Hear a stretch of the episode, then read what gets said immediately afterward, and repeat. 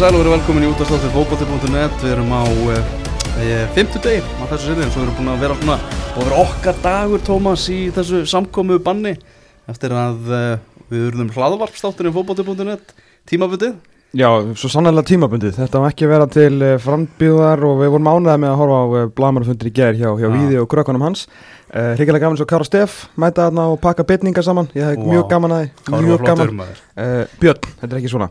Uh, þannig að 4. mæ verður hérna, einhvers konar aflýting á þessu, þessu samkomu banni og við horfum nú til þess bjart sínis augum að 9. mæ snúum við aftur í fiskabúrið og getum loksins verið aftur í bytni útsendingu. Já, við erum meira fyrir það. Við erum, beinni. við erum miklir í beinni menn sko. Við erum miklir í beinni menn. Við erum fínustu, fínustu hlaðarstrókar en, en svona beinar útsendingar eru svolítið okkar ær og kýr sko. Já, algjörlega, Herðu, það eru tveir gestir í, í þættunum í, í dag. Tveir, betur. tveir uh, ólíkir gestir. Já, með áleika langa ferla á bakinu. Já, má, má segja það Bjarni Jóhansson, þjálfari Vestra, hann er komin þetta til okkar, heyrum í honum eftir, eftir smá stund og svo er það uh, Andri Fannar Baldursson sem ætlar að kíkja hérna einnig til okkar Já, sem er rétt ná að skila blikonum einhverju 14 miljónum í kassan bara svona að COVID svona skall á Já. með að koma hann inn á fyrir, fyrir Bologna Já. Ríkjali efnilegu strákur úr, úr Kópavóinum sem á svo sannlega framtíðina fyrir sér ef að knæspilna verður aftur spiluð. Hm. Yngsti Íslandingurinn til að spila í topp 5 delt í Evrópu. Já, taktu þetta, settu þetta aftast í heilanæður því þetta verður pubquiz spurning svona þar til bara, ég held að heimurinn hætti aftur þar að segja. Já, það verður gaman að, að kynnast andra. En uh, Bjarni Jó, hann er mættur hérna. Reynslu boltinn þjálfari, þjálfari Vestra. Hvernig ertu, Bjarni, ertu við hesta hilsu á þessum erfiðu skrýtnu tímum? Já, ég sjaldan verið í betra formi sjálfur sko já. og hérna En samt í áhættu hóp sko. Já, nákvæmlega og, og, og stutt í elli lífinu sko þannig að Hvernig já, já, er, ég er fýtt sko hvernig er hérna, þú veist, fyrir mann sem er búin að vera í þessu, hvað er sem að þjálfa lengi nú? 40, 30 ár? Eða í mestarflokki? Það er- 30? Já, yfir 30 Já. Og þegar það er ekki, þú veist, klukkan hálf sex, vorum við myndið að ræða þetta við Rúna Pál hérna um daginn, þú veist, svona er ekki hálf sex svona cirka bóta æfingatímin, svona Jú, þú er að vinna með, sko. Já, Þegar hálf sex út bara heima hjá þér. ekki að öskra okkur að kalla á að segja að sparka að hlaupa veist, Nei, hvernig, hvernig er það? Þetta er, þetta er sérstætt sko? Jó, ég, ég hef sagt það sko að mér hefur nú tekist að skipulegja uh, svona daginn þokkalega Já, og mér, og þar sem ég er nú komin yfir 60 og á nú ekki mörg ára eftir í á vinnumarkaðinu þá finnst mér stundum vera svona í æfingabúðum fyrir það að verða gamall maður það er svona að verða svona skipulegja daginn til að bara já, komast í gegnum hann á, á svona já, á svona ferskan hátt eins og það segir sko Hva, hvað hefur þetta dundurs? Tókstu bara nýtt? eða? Já, nei, nei, nei, nei, þetta er bara, nú reyfum maður sem bara oftar, Já. það, það er bara þannig, Já, það er ekkert öðru vísi og, og kannski horfir kannski örlítið meira á sjónvarpi og sérstaklega þessa leiki frá því í gamla dag, maður mann svo vel eftir þeim sko. Mhm. Það er nóga upprifunum í gangi er núna. mjög, mjög mikið og, og þú átt líka svo, það er margt þarna sem að tengist þér sko. Já, reyndar. annarkort bara leikið með þér eða leikið sem hefur áhrif á þína leiki og þú veist topparóttur eða Já, fattaróttur já, svo var ég nú að lýsa leikjum og, Já, og fattaði það nú í miðun leikum daginn að það var ég sem var að lýsa þarna með gaupa sko, en, en, Ég var bara að gleyma, Það er rétt, hérna- þú lístir hann Þannig að það, það er svona, já, já, þetta er, þetta er uh, öðruvísi en, en, uh, en mér hefur tekist að skipilega geta bara helviti vel. Já, já Og, en þú er samt vantilega spenntur að fá að fara að, uh, aftur að, að góla á einhverja, einhverja kallmenn Já, já, já, já, og, og góða frettir að, að geta farið núna að æfa allavega fjórir Já. og það er, ég, ég var að vona að þetta er þið sex sko, en, en Hver er munurinn? Eh, það er svona, þú getur kannski unni með svona eh, svona liðsluta frekar Ok. í, með sex heldur en fjóra kannski Já, en, en eh, við vonum að það eh, það verði fljótt afleitt með þessa fjóra og við getum fara að æfa fleiri saman Og hvað hva fer að gera núna, veist, með, með fjóra til dæmis? Bara, þú veist, það er ekki að vera reyt, það er lóf fáir í það. það er ekki að vera reyta, þú getur verið með svona, þú veist, þú getur verið með náttúrulega sendingar og, og svona, uh, svona, nú getur við farið í stefnubreitingar allavega, eða við þarna fyrir vestan allavega, láta göngustíðan eiga sig. Og hérna, skjóta eitthvað á marki já, og skjóta markið og, og, og, uh, og svona, svona kannski einhver pínilítil takstiks atriði eins og upplaup eða, eða varna vinna eða eitthvað slíkt, að en enga tæklingar. En svo geta leikmenninir hist það er nú bara eiginlega hannar stór þáttur. Já, já, já, já. hópurinn farið að hittast aftur sko.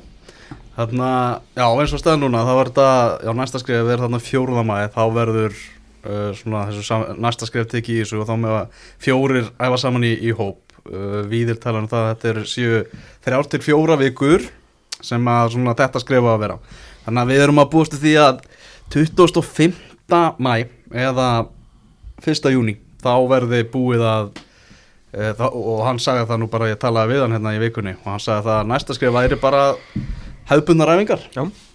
þannig að þá væri hægt að, að- að gera þetta af viti þannig að menn er að vonast þetta því að íslenski fótbollin byrja aftur að rúlla í júni það sem er kannski helsta umræðin meðal þjálfara og fólks í boltanum er núna hversu mikil undirbúningstíma þarf áður en við förum að, að keppa fótbolltaleiki maður er búin að heyra alveg upp í hvað 6-7 vikur með þess að hjá einhverjum þjálfurum en ég held að það sé alveg morguljóst að það er ekki hægt að bjóða upp á það í, í þessari stöðu Nei, sko ég, ég er að þeirri kynslu sem var bara hlaupið í nýju mánuðu svo voru bara skotni re, reymdir á sig í mæ og það var bara að byrja að spila sko. Já. var ekki eins og spilaðir æfingarleiki sko. en uh, ég held að við, við uh, eigum að vera með öll þau tæki og tól sem að við getum haft í dag að, þá erum við bara klárir bara þegar, þegar bannið er búið mm -hmm. og ég sé þetta fyrir mig þannig að, að ef við getum byrjað eh, sk- kannski upp á miðjum júni að spila Íslandsmótið að halda okkur við það að spila þá þrjárfyrstu umferðirnar í byggar áður okay. þannig að, að svona þungin af byggarnum verði bara búin þarna um miðjan júni þannig að það gefi auki svigrún til að raða niður Íslandsmótinu og, uh, og eins og þetta átt að keira þetta núna í byrjun þá áttum við nú að spila aldrei 8. april fyrsta, fyrsta umfyrir byggar og, ég, og ég, ég er bara spenntur að sjá að byggarinn bara fari bara strax á stað Þannig að ef að þú veist að bannu verður aflétt kannski 31. mæ eða eitthvað og 1. júni svona hefst lífið okkar aftur að í raun og kannski að gefa þá tvær vikur fram að Íslandsmóti en nota þessar tvær vikur þó í byggar Já, Já. nákvæmlega. Og Ok. spila jafnvel spila jafnvel uh, að reyna að klára þrjár umferðir í byggar þannig að við erum konið þá í 16 leða úslit sem, a, sem að er þá léttilega hægt að að dreifa á sumari sko. Og, uh, og ef, við, ef, við- ef við pælum sá í Íslandsmótinu þá, þá getum við uh, sko frá miðjum júni og fram í, fyrsta óttabér eru 16 helgar eða 16 vikur. Og það er bara 16 umferðir og þá höfum við uh, keirum móti þannig af stað að, að, að við keirum kannski þrjár umferðir með viku millibili til að svona, svona fá kannski svolítið reitma í þetta og sjá svona til hvernig að fjöldi áhörðanda þróast og eitthvað slíkt og síðan svona kannski upp úr 10. júli að það getum við bara að spila svona enda enska viku, aðra hverja viku út mótið og, og þá, þá, þá dögar okkur alveg að spila til enda september Mhm. vegna þess að nú er ekkert nú er e- engin eh, ekkert júliparti í Evrópukeppni eða landsleikir eða, eða eitthvað slíkt þannig að, að það væri hægt að ná alveg rosalega svona skemmtilegum ritma í þetta Íslandsmót.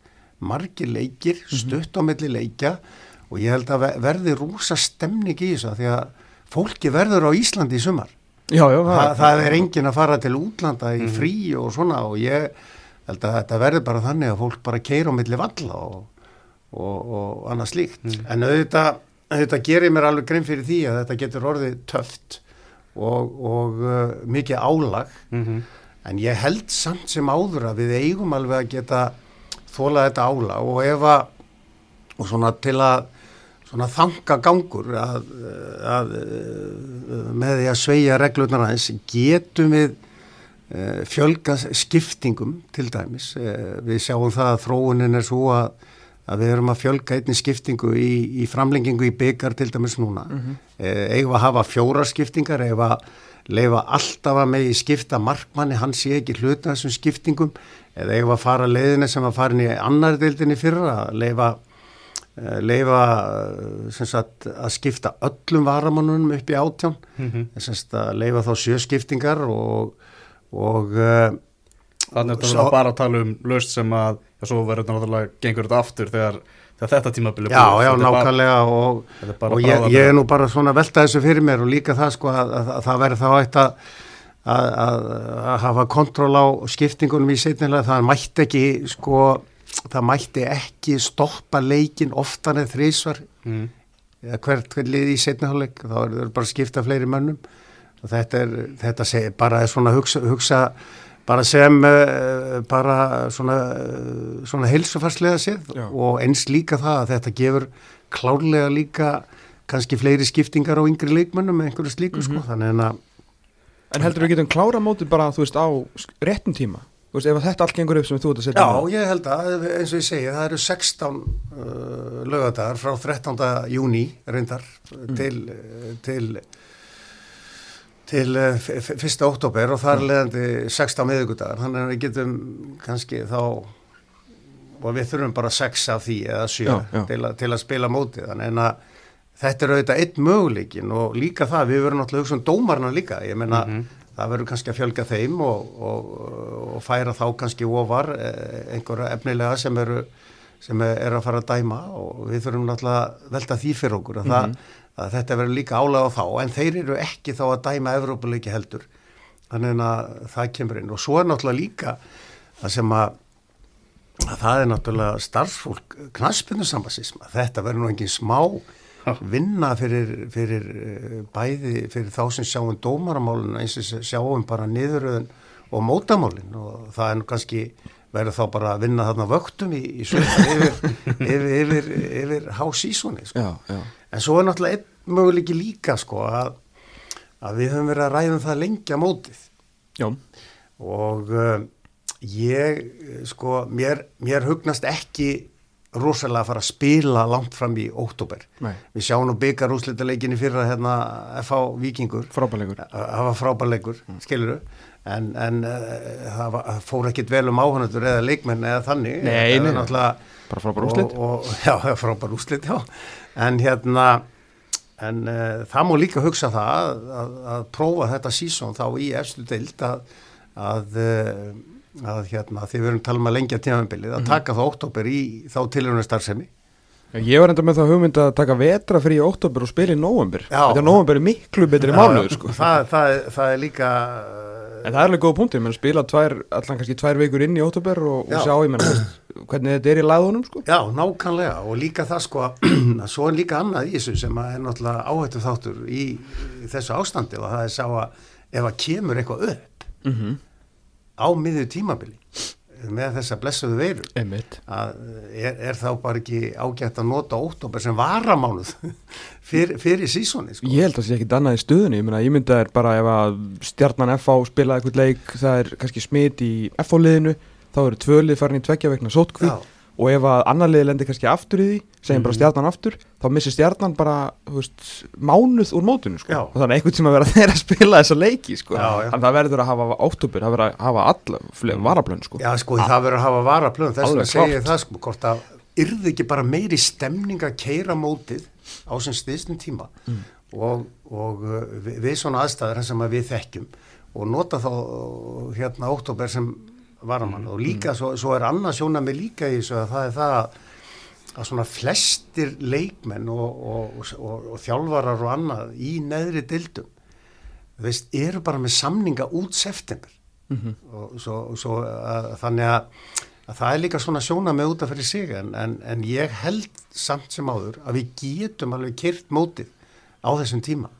Og eins og ég segi þá bara held ég að vera meiri stemning. Fyrst við vorum aðeins að, að tala um veðri þú er náttúrulega kynst í að, að stýra leikjum við, við allar aðstæður má ekki segja það. Er einhverjum leikur sem að stendur upp úr þú hugsa til, til svona já, erfiðra veður aðstæðana Já, ég, ég, það sem kemur fyrst upp í huga mér er náttúrulega þegar ég var að þjálfa fylgir hérna 2001 Já. þá voru við í, þá var, það var árið sem skæin var Íslandsmeistari og, og, við átt, og við lendum á mótiðum upp á Skaga í fjárlega úslitum Mm. og áttum að hann í tvo leiki röð með stuttum millibil upp á Skaga og fórum upp á Skaga og, og, og þegar að Óli Þórðar greip hérna varamannaskílið í, í brjáluðu veðri og, og þá var leikurinn flautaðar af sko en, en þannig að það er allra verða, veðra vona en þetta er nú eini leikur sem að ég verði sem að verið flautaðar af vegna veðus Já. það var samt í september sko. Já, ok. Það, það var miklu meira rók á skaganum í gamla ég man eftir það var ekki einhver leikur flauta líka eftir tíu mínútu þegar Ólið og Gunnarsson tók veist, hérna marspilnu og hún endaði sko Já, svona 14 metrar fyrir aftan hans eigðmark og að Kitty Jaka þess að bara herri hægast strákar, við erum bara Ég- förum heim. var það bara ekki þessi leikur? Ég fór hann að stað þessi leikur? Já, já, hann fór á stað sko. Jú, þá er þetta þessi leikur, hann var í beinni útsendingu sko. Þetta er er algjört Já. rugg sko.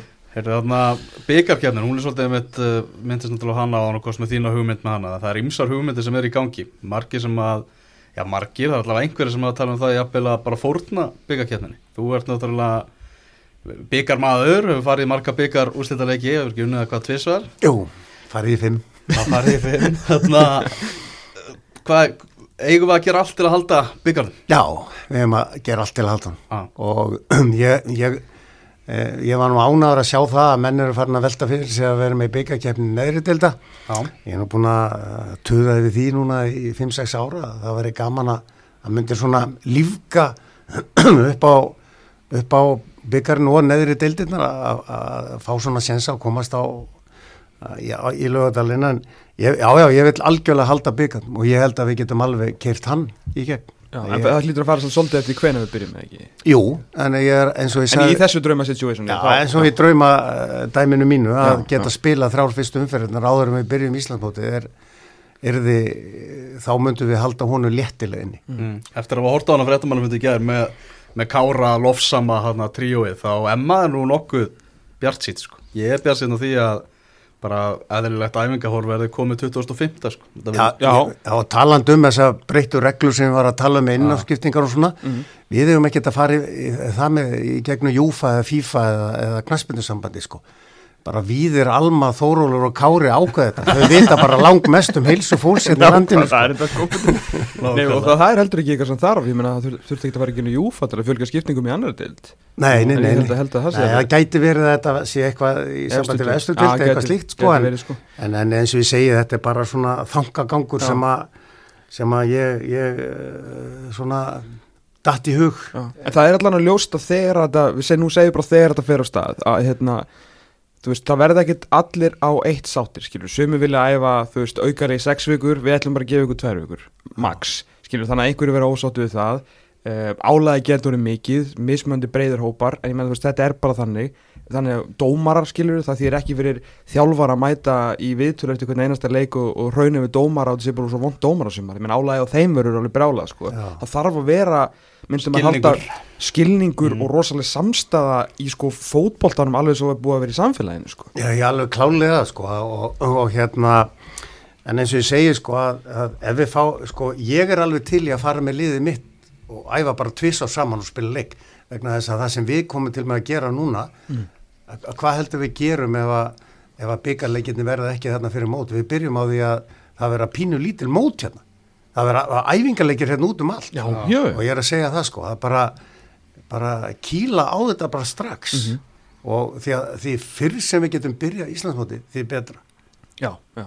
og saman með okkur að við ætlum ekki að vera hérna töðandi yfir vorbrag og einhverjum lélugum fótbolta í fyrstu umferðinu skilju, það þurfa allir bara að sína skilning sko. Já, já, nú, nú verður allir vellir klárir sko. já, og það sko.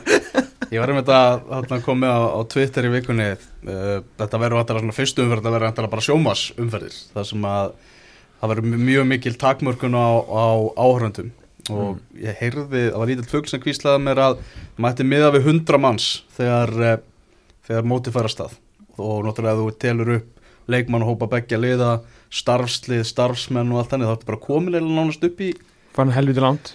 Það er já, helviti þetta langt. er hundra mann bara á bara á svæ- svæðinu, á já, svæðinu. ok. Þú veist, það er bara þannig, þannig að það verður lítið um áhörundur þannig að þegar eins og Pepsi Max teltin verður kyrra stað þá tel ég bara ekkert að því að spila bara fjögur, sex og átta bara á virkundi Nei, þú ert ekki að pæla í áhörundum, þá getur þú spilað svo sem hvernig sem er sko. Já, já, alveg, alveg klálega og þess vegna held ég að við hefum að fara svo, bæði út frá þessu sjónamiði og svo þessu heilsufars sjónamiði leikmann að, að keira kannski þrjár umferðið með viku, viku millibili sko, þannig að menn getur svona verið komnir aðeins fram í júli þegar við byrjum á að spila í viku eða þannig aðra hverja viku. Já, þú vilt ekki keira þetta með svona trygg og dífu alveg strax? Nei, alls nei, ekki, skilji, skilji, alls skilji. ekki sko. Við, við, sko, ég, held, ég held líka sko bara svona akkurat eins og þeir að tala um að sína frá leikjum og, og svo framvegis Mhm. að vera bara með leikina semst, að það sé vika á milli í þrem fyrstu umfyrðan og svo getum við farið að, að keira þetta því að þá erum við komni, þá erum við nú komni með liðið í, í, í, í ágóðan damp sko, Já, alveg já. klálega sko Ég, ég var með pælingu um daginn, sem langar bara að bera hann upp á þig sem svona reynslubolt í fæinu og, og einn af, sko, einn af gamla skólunum hérna. Þegar að, eh, þegar þetta fer á stað, heldur að svona kollega þínir í, í svona sem eru kannski nærðir í aldri séu betri, betri stakk búnir inn í þetta mót heldur en þú veist svona þeir sem eru kannski nýjur á nálinni í þjálfarafræðunum. Og heldur á svona þeir sem hafa fast mótaðar í hum, þú veist, Heimir, Rúnar, svona Óli Kristjáns, heldur að þeir hafi kannski smá forskot á menn eins og, eins og Óskar Rappn og Varnar Gunnarsson. Nei, ég held ekki. Ég held ekki, sko, er það að þetta er orðið svo þetta er orðið svo uh, ólíkt umhverfið sem, að- sem að var og þetta er kannski svona einhver reynsla ákvörðat í, í þessu eh, banni núna sem að kemur manni til góða að vera af gamla skólanum, sko, því að, því að þetta er náttúrulega bara undirbúrstími eins og þetta var alltaf í gamla daga, sko, Já. þannig laga sér, sko. Einmitt. En ég held það bara að, að það er bara svo mikið af upplýsingum um allt Já. að, eh, að sko þessi og þessi samvinna þess að liða um það að allir eiga leiki af hvort öðrum og menn geta uh, planað hitt og þetta þá held ég að, að, að það, það sé ekkert eins og er kannski kannski sko þessi, þessi gamli skóli hann er kannski þannig að, að svona það dúkar upp ein, kannski einhver smáatriði Mhm. uh, kannski svona í samskiptum manna og annað Já. sem að, sem að kannski reynsluboltin hefur örlítið fram yfir hinn Já. en, en, en uh, þetta er alveg gjör ólíka kynsluður sem að var að þjálfa hérna 90 og eitthvað eða núna sko Já. Mm Þannig að við förum aðeins yfir í, í vestra, þína menn sem að þú ert að þjálfa núna og þú ert að teku við þeim hvað 2018 uh, hvað svona fjekk þig til þess að, að svona detta þetta getur við sagt ævintýri detta allt einu vestur að, að þjálfa og kannski margir sem heldur að væri bara hættur, að, Já, hættur, hættur já. þjálfun þegar þú- tekur þetta verkefni þér Já, ég, ég, var, ég, var, ég var á leiðinu þangað Já, og um, en ég er, ég er náttúrulega fættur upp alinn út á landi mm þannig að ég svona Hvaðan ertu? Ég er frá Neskvistað Ok. en ég sko og ég var búin að svona ákveða það eiginlega svona að eh, enda ferilin bara út á landi bara hjá svona kannski litlum klubum að reyna að hjálpa þeim og, og, og með minni reynslu og annað slíkt sko. Og, og hérna og síðan var þetta þannig að ég á nú smá tengingar vestur sko, ég var í IBI-liðinu hérna í efstu deilt hérna í, fyrir fjö, tæpum 40 árum. Ok. og uh, bjóð þá á Ísafyrði í þrjú ár og svo var alltaf svona smá tengingarna vestur og, og endaði með því að sami doblaði mig til að koma og mér leist ágætlega á þetta, passaði mig á, ágætlega að fara þarna, að vera þarna á sumrin og er, er náttúrulega búsettur hérna fyrir sunnan á veturna og kenna hér og, og uh, þetta er bara fjör. En Hvernig er þá veturinn hjá þér? Svona var þetta, eru þeir margir í bænum Já, strákarnir, eða? þeir hafa verið, þeir eru nú óvinnu fáir í vetur en, en þeir voru nú óvinnu fáir líka fyrir vestan þannig að þannig að, en, en, uh, þannig að við uh, saumum þetta saman eins og eins og hérna já, bara þannig að ég er hér og svo er aðstofþjálfarnir fyrir vestan og sérum þann, uh, þann hóp þar og, og svo stækkar hópurinn okkar ekkert fyrir bara í, í februar-mars Hvað eru margir, þú veist, af hópnum sem að þú fer með inn í fyrsta leik bara þessum átján sem eru kannski að æfa í januar?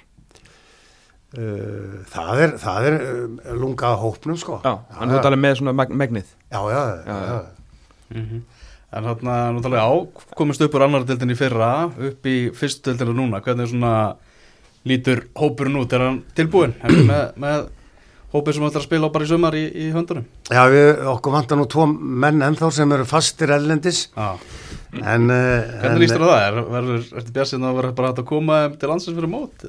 Já, það, það verður bara spennandi en, en við, við undum og búum okkur bara þannig að við séum bara klárir í þetta og, Er ekki gullfoss að sigla og, Jú, hvað? gull og sigla, sko, það er, það er eini sinnsinn að smigla um þannig, sko. Hvaða leikmenn er þetta sem út? það, það er Ísak frá, hann er í Brasilíu, Ah, Brasilíu okkar og svo Milos sem er í Serbíu, hann er, þeir eru eftir að koma. Hvernig, hvernig er þetta umhverfi? Ég meina, þú, þú er búin að þjálfa rosalega lengi, marga stóra klúpa og kannski það verður alveg mismöndu stigum, skilur, stjarnan er er stórt í dag en veist, þetta var, það var bara malaplan og bara, veist, það var ekkert gaman að fara í stjörnunan þegar þú mætti fyrst, sko, en þú skilur, þetta verður flott, Akureyri, Grindavík, Árbær, skilur, þetta er allt svona, en Ísafjörður, svona kannski ekki verið þekktir til svona fyrir stórræði á knaspundumvellunum árna, árna þú mættir, hvernig, hvernig er þetta búið að vera? Já, þetta er, sko, aðstæðan hérna fyrir vestan er, er uh, döpur, sko. Já. Og við, við æfum nánast ekkert fótbolta í sjö mánuð ári. Ok. Við erum bara að hlaupa og eina sem er parketti, sko, og það, og það, þú vilt náttúrulega ekki að menn sé að djöblast mikið á því, en, Nei. En þetta horfir nú til betri vegar og, og mér skilst nú að það verði reist þarna hús og, og, og gerður að setja á aðalvöllin. En við erum náttúrulega búin að að æfa bara, við náttúrulega æfum mikið með, með þessar aðstæður og það er bara raunverulega bara að hlaupa Ok. og til dæmis eins og veðurfærið er búið að vera þarna fyrir vestan í, í vetur, þá hefur það líka tröfla okkur því að, að uh, gerðugrarsvöllurinn sem er nú ónýtur reyndar Já. Og grjótharður, hann sko hann kvarfundi snjópar í lok november og, og var bara að dúka upp núna og hann, hann er ekki upphittaður en neitt. Þannig að við höfum notað fjöruna í bólungauk til að hlaupa því að það er svona sandfjara. Hvað, ertu Þannig það að- bara- þá er þetta bara þannig sko að maður vaknar á mótnana Já, og fer inn á samgöngustofu og klikkar svo siglingar já, veður og sjólag sjávarfallaspá og svo sjávarfallaspá í höfnum og svo inn á Bólungavík og þá sér maður hvernig maður getur æft sko. Þetta er rosalega það er geggja. En fóruðu upp með sjáfallaspáni Já, já, ég minna þetta er bara það sem maður reynir að nýta sér og þetta er ekkit slæmt að hlaupa á, á sandinum en hins vegar sko uh, hérna, eins og ég segi við, við bara, þetta er bara okkar aðferð til að koma liðin í stand og, og hérna og vera bara klárir, það er bara þannig. Við, einu skiptin sem við reymiðum á okkur fótbolta sko var bara hérna í lengjunni og fótbolta.net-mótinu sko. Já, annars bara annars bara, annars bara í sandin og, og snjóskaplana sko. Hefur, hefur jafn, þú veist, gaman af, af svona, þú veist, uppbyggingu og eins og þú varst bara, ég meina, þú veist, 98 eða 97 til, þú veist, 2002-2003, þú veist, þá ert þú bara maðurinn, hérna, allavega algjörlega einn aðeim, þú veist, í íslensku fótbolta og, og lengra, ég meina, þú veist, kemur stjörnun upp, geggjalið og allt það, þú veist, þú varst Breiðablик ekki gleyma og breyflik, sko, kemur þeim líka upp Taplausum. taplausum. Uh, þú veist þetta er alveg þú veist 6, 7, 8, 9 ár þar sem að þú ert algjörlega þú veist í þú veist toppnum með hvað þú ert að gera. En svona öðruvísið verkefni núna veist hvernig svona hvernig taklar þetta bara svona fyrir sjálfa sko? Já, ég, ég sko sko, ég væri ekki í þessu nema maður hefði passjón fyrir þessu. Já. Þa, það er bara þannig sko. Það er að, svona þetta, það, það auðvitað koma dagar að sem maður svona, hvað djöfun er að gera hérna? og eitthvað svona en, en sko, en það er alltaf þessi nisti í manni og, og í þessu, ég hef bara mjög gaman að þessu sko, þetta er, þetta er öðruvísi, það er mikil ferðalög þarna fyrir vestan. Einmitt. og við vöndum þau til dæmis alveg rosalega sem að ég tel að e, vera eitt af því að geta náða árangri, það er að vanda ferðalegi og, um, og hérna þannig að, að þetta er svolítið öðru vísi og svona þegar, sko, þegar þú ferð í neðri deildir sko, þá er svona ekki eins mikið kvapp, svona fjölmiðla kvapp Nei, nei. á manni og, og, og svona maður svona það er svona kannski stundum, stundum kannski svona nýtum aðeins betur sko. já, smá innri ró bara Já, já, og, og bara líka það, að þú finnur það líka að þú ert að gefa mikið af þér, þú ert að gefa eh, nýja hluti og svona til leikmanna, til klúpsins og, og svo framvegis og þannig að, að þetta heldur manni gangandi. er stemning fyrir fótboltar manna? Já, það er sko, sko, þetta er lítill klúpur já, og hann er vel rekin Já. og það eru þarna þessi gæjar sem að reka þetta, þessi knarspildildi er bara þrælduglegir þrælduglegir hérna gæjar og líka það sko Ísafjörður og, og nágræni og þessir uh, Súðavík og, og Suðureyri og Bólungavík, þetta eru, það er mikill íþrótta áhugi almennt í bænum. Margar íþróttagreinar, fólk hefur stundið þarna í íþrótti frá öruhald skíðin og þetta allt saman og Mikill körfuboltabær. Já, körfubolti og þeir eru með blag efstu deild núna en, en þetta, er, Ok. þetta er svona sund var náttúrulega gríðarlega vinsælt á sinn tíma þarna og þannig að það er rosalega svona mikill íþrótta áhugi í bænum þannig að ég, ég kvart ekki undan því að, að fólk hafi ekki áhuga á þessu. Nei, svo var náttúrulega, þú veist, einn maður sem að við erum kannski svona í fjölmennastéttinni búin að býða lengi eftir að komast í deild og það er náttúrulega eigandi félagsins, að sami. Já. Það er svona, forsetinn, sko. það er svona karakter, svona, svona einn af kóngunum í neðri dildinni, hefur verið lengi. Hvernig, hvernig er svona, það er maður sem vill gera vel, Já, annars það væri þú ekki að það, annars væri ekki að ég- leikmenn ég annars, sko. þetta, þetta er bara maður sem er vakant og svovandi yfir eins og daginn út og daginn inn og, og, og hérna og, er, og, og, og veður bara í hlutin og klárar það og það er og eins og ég segi sko það þarf ekki að halda neina rosalega marga fundi hlutinir eru bara ákvæmir og, og, og, og það er vaðið í það Já, ég, maður heilt svona hvernig með tann fer og safna peningum, sko, þá fer hann bara, þú veist, lappa brinn á skrifstofunni, hefur Arnarlagsið eitthvað, svo bara sest hann, kemur einhver tölu, svo bara fer hann ekkert, fer hann að hann lappar bara út, helst bara með reyðu fyrir, sko. Já, ég- hann nennir þessu enginn, sko, hann, hann bara lappar út með peninga hvað sem hann fyrir, sko. Já, já, ég, ég, þekki, ég þekki það nú ekki á hann, það, það er mjög gott að vinna að með honum, hann er náttúrulega skapmaður og þetta hefur við náttúrulega tekið nokkra rimmurnar og svona sko, en, en það er bara hluti af, af, af partíinu sko. Já. Hvað ætlaði að gera í, í hérna, það sem áður hétt en kassodeldin í, í sumar? Ætlaði að halda ykkur uppi, ætlaði að, að fara í eitthvað æventýri? Já, við, við, við teljum okkur núna að vera komnir með svona mannskapslega svona ölliti sterkar lið enn í fyrra Ok. og, og, og það, það gekk ágætlega se- b- bæði tímabilin sem hefur verið hefur okkur gengið ágætlega setni part sumars. Og það er kannski bara eðlilegt með að við aðstæður sko. Já. en núna erum við á sama þetta verður til þess að nú erum við bara vonda tímabil okkar er að baki þegar við byrjum Já, þannig að við, við verðum bara að vera hressir sko. Herru, við náttúrulega erum hérna í þessum meira vanda fótbolta. Og það var náttúrulega ekkit vinsalla heldur en, heldur en svona sögu uppriðin uh, og svona þú veist, þú tekur vestra frá uh, sem að hann er, það ennþá hvar svona er ég að fara í auðlöstu spurningu í heim segir spyrðið svona hvar þú hafðir mest gaman þá segir bara IBF að það, það voru langbestir eða? Já, ég, ég hef ég hef svona já, það voru náttúrulega bara ævindir ár Já. í sjálfur sér sko og, og vera þarna í eigum og, og með, með allt þetta sem var í kringum þá glóriu sko, þá var þetta náttúrulega ógleymanlegir tímar sko. Mhm.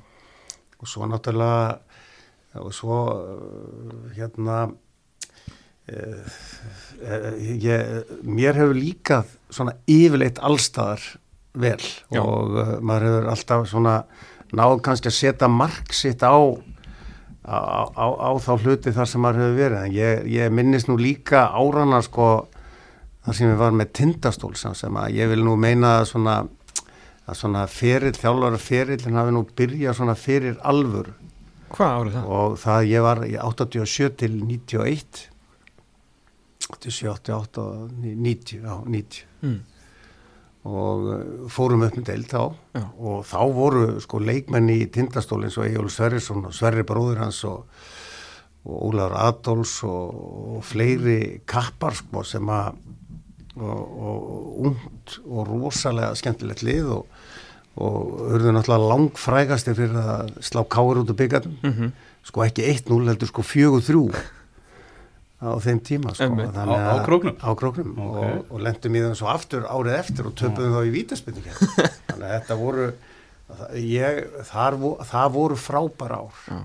og líka það að þá varst með svona ungt, frekar ungt lið Mhm. en alveg ríkalega mikla íþróttamenn Já, já. Þú er ná, þú veist, árangri bara í svona 95% tilvíka sem þú verið að þjálfa, sem er náttúrulega svakalegt. Uh, einu titlarnir sem að fylgismenn eiga uh, er eftir þig. Nei, nei, Aðalsteinn Vinglusson var þjálfari árið hans þess að þeir eru byggamestar tvö árið, Já, ég var bara annar árið. þú varst bara annar, ok, ok.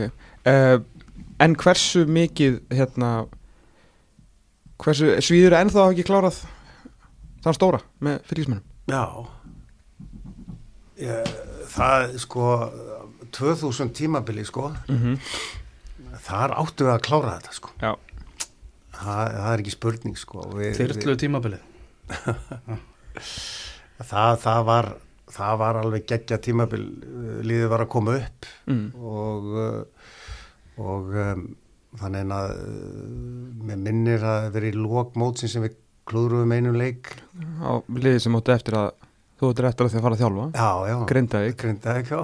2-1 það, það var leikurinn sem að svona, já, við klúðurum þess á en, en eftir hatranda baróta við káar þetta árið sko mm og svo aftur náttúrulega 2020 þegar er þessi frægi er þessi frægi leikur þegar Jón Skaftarsson skoraði nánast eina markið sitt á ferlinum, eða ekki? Nei, það var ekki, var það, var það ekki þar á eftir Var það þar á þetta? Já, Ég sko, Já, sko, tvö, sko, sko 2002. Nei, þyrlu tímabilið er hjá alla sko. það er ekki á mér já, sko. já, nei, mitt og hérna þá, þá voru þeir náttúrulega rosalega náld þessu sko. En þetta var, já, þessi grindaðugur leikur og náttúrulega finna er sko, ekki kannski finna fyrir fylgismenn að þetta var náttúrulega líka með að í 16. fyrir nefnum 2002 í, sko, í þyrlutímbilinu sko, þá hérna með missir fylgir raun og veru, eða fær fylgir káir aftur að sér með tapi í grindavík sko. Já, Þannig að grindvíkingar voru fylgismennum ekkit sérstaklega góður hérna á, á þessum árum sko. nei, akkurat, akkurat En svo alltaf ferðið líka þar, það var náttúrulega líka ævintýri út af fyrir sig að allir erum að grinda í hverju bara Evrópuliðið og, Já, já, því við- líku metnaður í gangi sko. Já, við fórum, við fórum eh, sem sagt, urðum held í þriðja, fjórða sæti Þriðja 2002, Já, 2002. Mhm. þá vorum við með fínt lið en okkur tókst ekki að manna okkur almennilega upp í næsta ár sko og lendum bara í tómu ströggli og vorum bara í ströggli þá að kortið var eftir á mótinu þá, Já. 2003 Já. en það var Lý Sjarp æfintýrið líka sko Já. sem að kom þar stert inn sko Hva- hvernig var það? það var bara geggja atrið sko var, hérna, þegar, ég, heyr, ég sá nú að þeir bræður voru nú að tjása um það um daginn að, hvorki stjórni hugsanlega þjálfarar hefur getað höndlaðan en, en, en það var ekki máli sko bara, þetta var bara og, lítið pláss fyrir hann en það var, það var rosalega gaman að kynnast honum. Já, og aðdraðandinn að þessu var, var eh, frábær. Og að þeir bræður og þeir hérna dagbjart sinnur og dag, dagbjartur reytin þeir, þeir bara græjuðu þennan gæja til landsins sko. Og það var gaman að kynnast honum. Hann sagði fullt af sögum af þessu mannsistiliði sem hann var í og, og menn uh, voru bara ég, ég var mjög ánægð með hann en hann, hann svona þetta var svona eins og Steve Koppel var búin að segja mér áður sko þegar ég var nú búin að afla, afla mér upplýsingar um hann þetta væri svona, svona party animal sko. Já, já. Og hann var það náttúrulega á þessum tíma en, en, en hann var góður í fútboltamæður Og hvernig, þú veist, var hann alveg bara fýtt með æfingum og Já, þú veist, bara að gefa af sér og þannig? já, já, já, hann, hann, hann var, kom, kom reyndar ekkert inn einu stór formi en, en, en svona smá saman var hann, eh, var hann fýtt sko. Já, en svo náttúrulega, þú veist, einmitt, talandi um þetta, skilur, búin að vera hérna á toppnu með, þú veist, Íbjöða, Fylki, Grindavík, þá, þú veist, hérna, eftir Grindavíku tímabilið, þá, einmitt, ferðu niður um deilt Já, með blíkana. já. Það hlýtur að verið svolítið sérstætt múf á, á þeim tíma, svona með hver þú varst og hvað varst búin að gera. Já, ég sko, ég var búin að þjálfa breyðabild 95 Einmitt, í efstu deild og var alveg hundfull yfir því að hafa ekki fengið áframhaldandi samning hjá þeim þá. ok, og, uh, og hérna og skildi það nú aldrei okkur ég okkur það var félluðu sko, því að- Nei, nei, þú hélst þeim uppi? heldum okkur uppi Já, og, og hérna sem var nú ekki mjög algengt á þeim árum að þeir heldu sér uppi sko, þeir, Það var brandarinn hérna grænt Og fellur á akkurat sko, þannig að Ótti svo sannarlega rétt á sig, sko. En mér var alltaf hlýtt til klúpsins og, og þeir voru búin á þessum árum voru þeir búin að vera í tómu ströggli. Mm þannig að og árum áður og, en voru aftur á móti að var að koma þarna upp uh, annarflokslið sem að var bara frábært. Voru Íslamistrar þarna og, og svo frá mig þannig að þarna fannst mér sko rosalega spennandi að fara og, og, rífa svona stóran klúb upp. Já, og fyrsta árið var svona var svona kannski bara svolítið að hreinsa til og koma svona ákveðnum hugmyndum á, á koppin og, og síðan hérna 2005 að þá bara keiru við þetta í gegn á, á þessum flokki sem var Íslandsstæri þarna árið áður og, og í þeim eru náttúrulega Steinþór og Gunnar Jónsson og Kári Ásæls og, og fleiri, fleiri strákar þarna sem að Arnur Sveit spila þarna Guðmann og Arnór og þessi strákar sko sem er að spila. og svo líka strákar sem eru bara aðeins eldri, þú veist, Olgeir og Ellert. Já, já, Grassi. þeir, þeir, voru, ellert var í þessum flokki líka Mhm, sko. já. Þannig að þetta, þetta er strákar sem að settu svip sem ekki bara á breyðablík heldur á mörgunu lið setna mér sko. Já, algjörlega, algjörlega. Og hérna þannig að það var, það var mjög skemmtilegu tími sérstaklega þetta ár þarna sem að við fórum upp og, og vorum tablusir Já, 13-5-0 Takk fyrir. Já, Það, það er frábæra tímbil 2005 sko. það var En það var nú ekki, það var ekki langur aftur. Þá fær ekki að vera lengi með þá í Nei, já, ég, Efstildinni? já, ég, við fórum að það og byrjuðum tímabil 2006 og ég hætti mitt tímabil. Já, og uh, það var ég sem hætti, ég, ég baðist bara lausnar, það var búið að ganga í mislega þá og, og svona ég taldi að, að ég var í búin hann í bili. Og Óli tók við og, og heldur betur. Áttu eftir að gera góða hluti? Já, frábæra hluti og, og þannig að bæði, ég er rosalega stoltur af því að bæði bæði breyðablik og, og, uh, og stjarnan sem að ég tók svo í kjölfarið að Færði aftur í raun og raun að aftur, sko. og uh, að þetta eru lið sem að uh, ég kom upp um deild og þeir hafa ekki fallið síðan og, og bæði hafa voru Íslamestrar og, og hann en að ég tel að ég hef unnið Og byggamestur Já, bara svona ágætis grunnvinnu fyrir þetta og, og svona hleyft lífi í þessa klúpa og, og auðvitað er þetta bara þannig að þú um leið og færi fólk með þér og annað slíkt að þá, þá er þetta að ná árangri. Ertu á samanskapi svektur að þetta hafi ekki gengið upp að hérna, þú verið ekki getað tekið þrennuna í þessum pælingum með káa? Já, ég er mjög svektur yfir því Já. og, uh, og þetta ár sem hefur kannski áttu mestan sens að fara upp að þá náðu við langt í byggar og sem að mínum að þetta var okkur svolítið að falli og, og, og svo framvegis en, en undanúslur mútið val já, tímbili, já. Í, þá við töpuðum í, í Vító, Vító. Já, ég er á staðnum. En, en, eh, en já, ég var, ég var, ég var, ég sem sagt var svolítið svektur yfir því en þetta tekum hann ekki inn á sig, liðir fór upp eh, árið eftir. Ömmitt, ömmitt og með túfavinn minn sem, sem uh, þjálfara og, og hérna og liðið er bara á góðum stað í dag. Já. Heldur að, heldur að vestri sé starfið þitt? Það er hugsa, hugsanlega sko, Mm. hugsanlega, maður veit aldrei svona. Nei, maður, eh, eins og ég segi sko, maður er, meðan að maður hefur svona nista í þessu og, og þessa reynslu að, að þá þá getur maður auðvitað uh, haldið áfram, svo framalega sem að hilsan er fín sko, já, ömmitt þá, þá held ég að maður geta alveg tekið fergur svona á þetta sko. Er þetta, þannig að þú veist, ef þú vaknar í daginn og þú hugsar bara bara nei, ég, ég nenni ekki í dag. Þú veist, hættur þá bara strax? Veist, er þetta bara þannig að þú veist, að meðan að ljósið logar að þá ferðu á einhver Já, ég held sé bara, það, það er bara þannig. Ég held, ég held að sé ég held að sé uh, sko ef maður tekur sér pásu á þessum aldri þá held ég að sé ríkalega erfitt að rífa sig á staða einmitt, einmitt. Það er svona þá en, en, en með hana með hana líf í manni þá bara heldur maður sáfram ekki spurning. Bjarni Jóhansson, takk hjálpa fyrir komuna, gaman að fá þig. Virkilega. Hrikalega gaman að fá þig. Við höldum áfram með þetta er smástund. Við höfum eftir að heyra í Andrafannari Baldurssoni og svo ætlum við að sjálfsögða að fara yfir fréttir vikuna Þú ert að hlusta á fótbolti.net á exinu 977 Áfram heldur út að setja um fókbalti.net og uh, það er komin nýr gestur hérna til okkar á uh, Krókálsin og það er enginn annar en Andri Fannar Baldursson, leikmaður Bologna á Ítalju.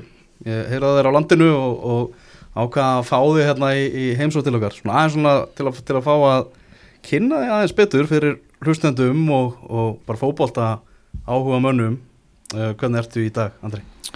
Ég er bara mjög góður og takk fyrir bóðið. Hvernig hérna, hvernig komst þið landsins? Uh, ég kom fyrir þrejum vikum og tók þá tvær vikur í sótkví og er búin að vera laus í eina viku. uh, er ekki, hérna var eitthvað tvísind með að myndi komast yfir höfuð heim eða hvernig var staðan á Já, þessu? þetta var, þetta var orðið svolítið vesen og ég var svolítið að báða um áttum hvort ég ætti að koma eða ekki Já. og ég talaði mikið af fólki og það voru lang flestir af því að það væri betra fyrir mig að koma til Íslands og vera hjá fjölskyldu Mm.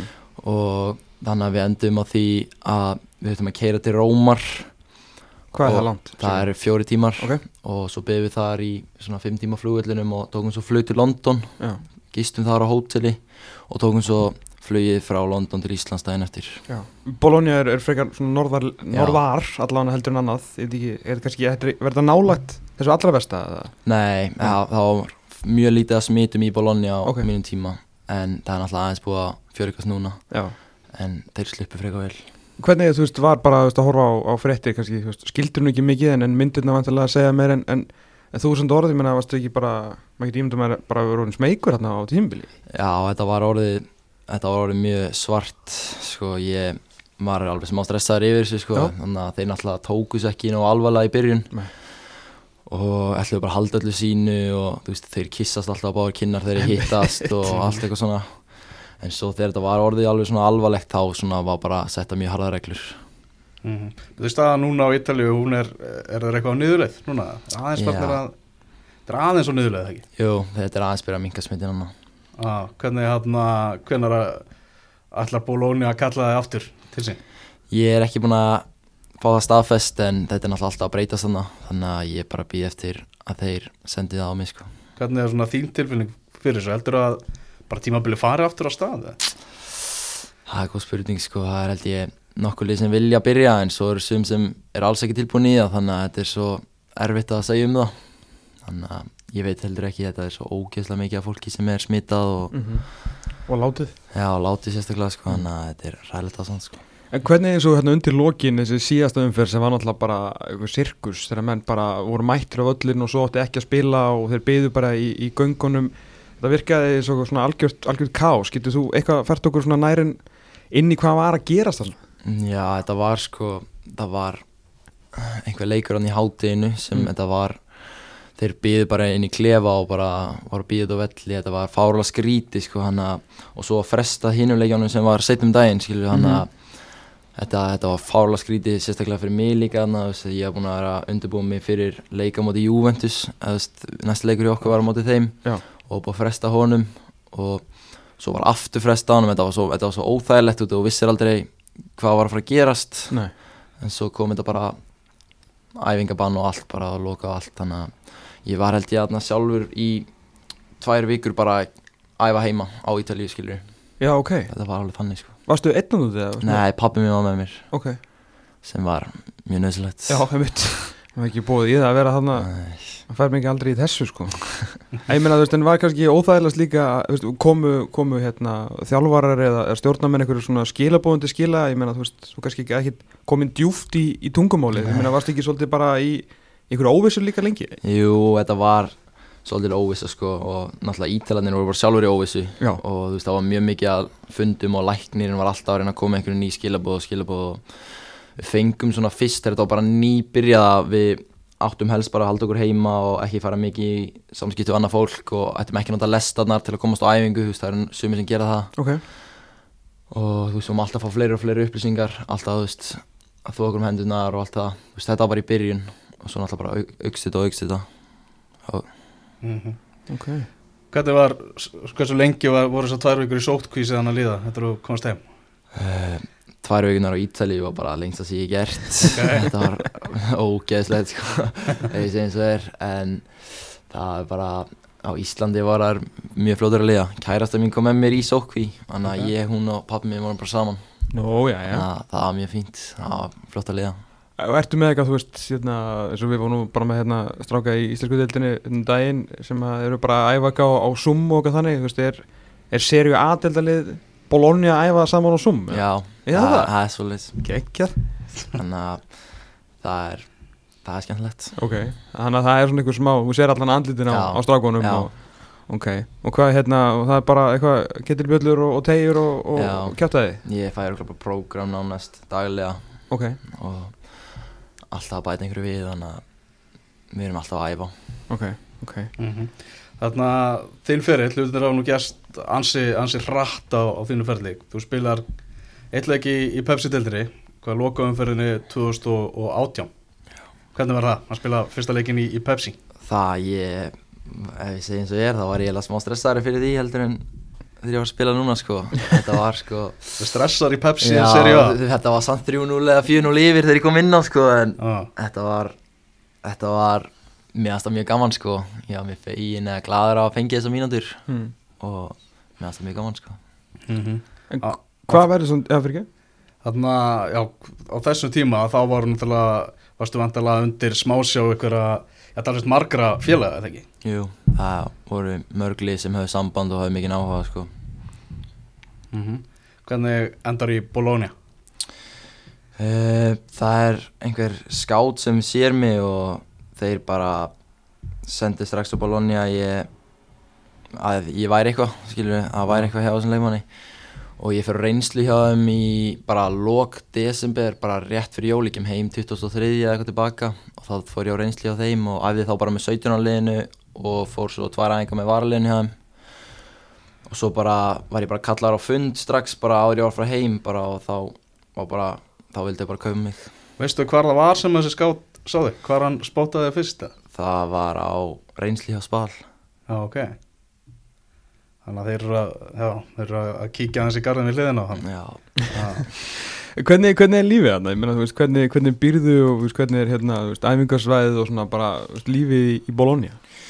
lífið þarna er mjög gott sko, borgin er alveg geggið hún er öðru í sem marga borgir uh, það er allir mjög vinalegir þarna og taka vel á móti þér og um, ég bý í svona mjög gamlari íbúð með pappa mínum og þarna Ari Sigurpáls flutti þarna í halvt ári eða eitthvað, hann var á láni og við höfum allt í kringana, við erum með tennisvöll og við erum með köruboltavöll og það er sundlaug og fótboltavöllur og bara allt hann í hverfinu Ok. fárala flokk hverfi um, ég er svona 10-15 mínútur að keira á einhversvæðið Varst að keira það? Já, pappi keirir Já, ok. og ég má keira þeirri 18 ára þannig að næst er ég fyrir út þá verð ég örgulega keirandi bara Mhm.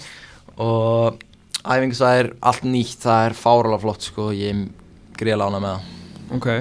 Og hvað er vantalega svona sæmilustu veitingastæðir og svona, en, en hérna, hvern, þú veist, hvernig er það? Maður er ofta að heyra svona menn er eitthvað að tapa sér í, í svona pastan og svona þeir sem að eru, það getur verið erfitt fyrir suma að vera á Ítalíu, sko. Já, þetta er sko þeir geta endalist pasta sko það er bara eins og ef ég er að geta með liðinu þá er það stundum bara morgumatur og hátegismatur eða, og kvöldmatur, jáfnvel, ég lendi því sko þeir geta bara pasta allt þá fæ ég alveg létt ógeða þessu sko að ég er alveg búin að geta ógislega mikið af þessu þeir geta líka bara eintómt eða kannski smá svona tomato sauce með þessu Já. og en þú veist eins og þegar ég er með alinu skilur þá er alltaf morgumatur og hátegismatur og er alveg bara stór slaðbár og kjúkling og kjöt og pasta og bara Ok, ok. hellinga grammindi og alls konar sko. Ok. Ertu bara að æfa með aðliðinu núna? Já, ég er bara búin að vera með aðleginu í frekar langan tíma nýlega sko. Spilar þau eitthvað með, þú veist, einhverju 23 eða einhverju, Já, ég spyrir með varleginu Varaliðinu bara? Já, Já. það er mjög gott lið líka sko. Það er, eru þeir í deltakeppni eða? já, þeir eru í kemni Ok. Mm. Þannig að varst í fyrsta sinni í hópi á aðliðinu á móti hvað Sampdoria í, í oktober. Já. Hvernig var svona það að vera í fyrsta skipti bara inn í klefanum hérna á leikdegi með, með aðliðinu? Það var ógæslega stórt sko. ég, þá, var- ég fekk alveg mjög mikla gæsa út Það var náttúrulega svo nýtt fyrir mér. Það fara úr frá svona litlu heimalandi eiginlega yfir á einhvern rísastóran völl og brjálu læti. Og ég var sko ég var ég veit ekki alveg hvernig ég orða það ég var svo ég var með svo mikið spenning inn í mér skilur ég var ekkert eitthvað að geða mikið að búa sig að koma inn á þá eða eitthvað heldur samt skilur en svo þegar ég fekk að hita upp og bara lætin ég bara með píp í eiranum sko þetta var svaðalegt sko. Ok, svo kemur þessi leikur, fyrsti leikurinn 22. februar uh, og það var svona, þú veist, það var náttúrulega spenningur með íslenska fótbolta á manna, náttúrulega og svona vonað, fólk var að vonast þetta og fengi nú einhverjar örfáar mínútur jafnvel í þeim leik, þú veist nú talsvægt meira en það, kemur inn á á 59. mínútið þegar eru 1-0 undir á móti út í nesi uh, þú komst í þannleik, bjóstu við því að vera að fara að spila hvað yfir höfuð? Nei, ég var, ég var ekkert eitthvað að búast mikið við því en þú veist, það var láta mig vita ég hef búin að sína mig mjög mikið á æfingum og ég hef búin að vera mjög góður og aktífur á æfingunum fyrir þetta. Ok, og svo bara erum við alltaf alltaf þrýr sendur upp að hita svona í leikjunum. Og svo bara svona leið og hálfleikurinn er að setna hálfleikurinn að byrja þá er bara að kalla á mig bara ég ætti bara einn að fara að hita upp og þá fekk ég alveg svona shit, ég get alveg að fara að koma inn og, og þá fekk ég alveg svona fyrring og en veist, ég var mjög einbyttur og fókusar á þetta sko, þannig að svo bara er ég bara að hita og svo bara sé ég að kalla á mig og ég bara ok, shit, þetta er að fara að gerast. Og ég bara hleypa hann að og klæði mig úr og, og segja hann bara við mig skilur að ég ætti bara að spila minn leik og gera eins og ég er búin að vera að gera á æfingum og bara reyna að búa eitthvað til Mhm. og mjög að ég bara standa mig mjög vel og fekk mjög gott feedback sko. Þannig að þið- jafnið þarna 1-1 og þannig að vinnið 1-0 meðan þú ert inn á Já. Já, það var svona, ég, veit, ég fylgdist með þessu leik og þegar ég sá svona, að það var komið 1-0 fyrir út í nesi þá hugsaði ég að það minga líkunar á því að, að hann sé að fara að spila, sko. En nei, nei, nei, kemur inn á bara hérna á, á krúsjál tímabundi. Já, ég er mjög ánægð með að fá trösti sko, og allir leikmennir og þjálfarteimið og allt bara eftir leik hrósaði mig fárlega mikið og ég bara var mjög sáttur með spilamennskuna mína Mm. Og þe- þetta er náttúrulega hann á Ítalíu eða ekki að þú veist það er svona stormótafílingur á bekknum, ég meina þú veist það er 23 í hóp Já. sko, þannig að þetta er ekkit það er ekki svo setja eitthvað í baráttu við eitthvað sko 7 eða eitthvað, þú veist það eru 12 með þér á nákvæmlega. sko Ah, Þarna jöfnarmarkið þessu leikar Rodrigo Palacio, það ekki, sem var að skora það. Jú, Ég er eindermaður, sko. já, og hann náttúrulega var hjá, var hjá mínum mönnum í, í Ender hvernig, hvernig típa er Rodrigo Palacio? Þetta er náttúrulega gauri með eina áhugaverðustu hárgreðslu í, Mannkissugunni í mannkins sögunni bara. Æ, hann er algjörlega geggjaður sko, hann hefur tekið mjög vel á móti, móti mér og hjálpað mikið ungu leikmannunum hann er hann er með svali gæði sko bara Já. þótt hans ég hann er 37-8 ára gamall hann er bara mm, geggjaður íþróttamæður skilur þótt hans ég kannski ekki eitthvað með mestu vöðvana en bara hann er svo mikið, hann les leikinn svo vel góður að staðsetta sig og bara minnst hann geggjaður gæði sko. Svo er náttúrulega annar, það er fullt að á Ítalíu er svo mikið af karakterum í öllum ítalsku liðum, þetta er svo mikið saman sapna af svona alls konar köllum sem er svo, það sem er skemmtilegt við serju og þannig er með líka maður sem kallaður er bólabíturinn síleski bólabíturinn, Gary Medel hvernig, þú veist, típa, er hann svona gæði sem er að, þú veist, takla menn bara, þú veist, í, í hnén á æfingum eða? Já, hann nána sko, hann er alltaf hlaupandi um allt og öskrandi um allt og henda sér niður og hann er, hann er svona gaman á hann sko og hann hann hann lætur alveg finna fyrir sér sko Já.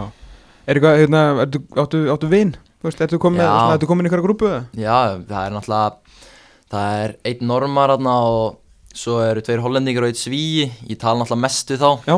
og það er bara mjög fínt að geta að tala við einhver svona sérstaklega aðeins á ennskunni líka Já. en ég er náttúrulega er að æfa mig í ítölskunni og Ertu í námiðin eða? Já, Já.